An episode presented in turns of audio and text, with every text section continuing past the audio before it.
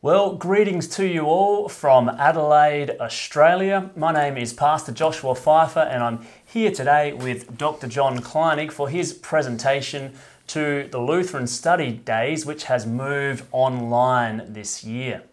Dr. Kleinig's topic for this presentation is Worship in Scripture, the delivery and maintenance of a good conscience. So, Dr. Kleinig, we're delighted to hear from you today. Thank you.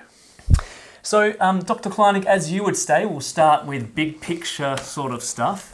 Um, and so, what does a good conscience have to do with worship?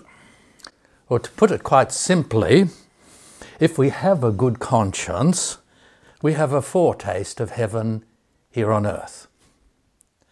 Um, since we are pure in heart, we see God spiritually with the eyes of faith uh, as he discloses himself to us in the divine service.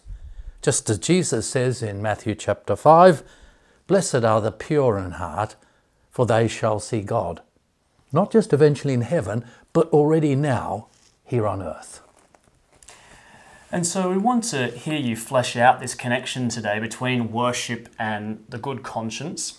Um, so let's break it down now then and, and think a little bit more about the conscience in particular.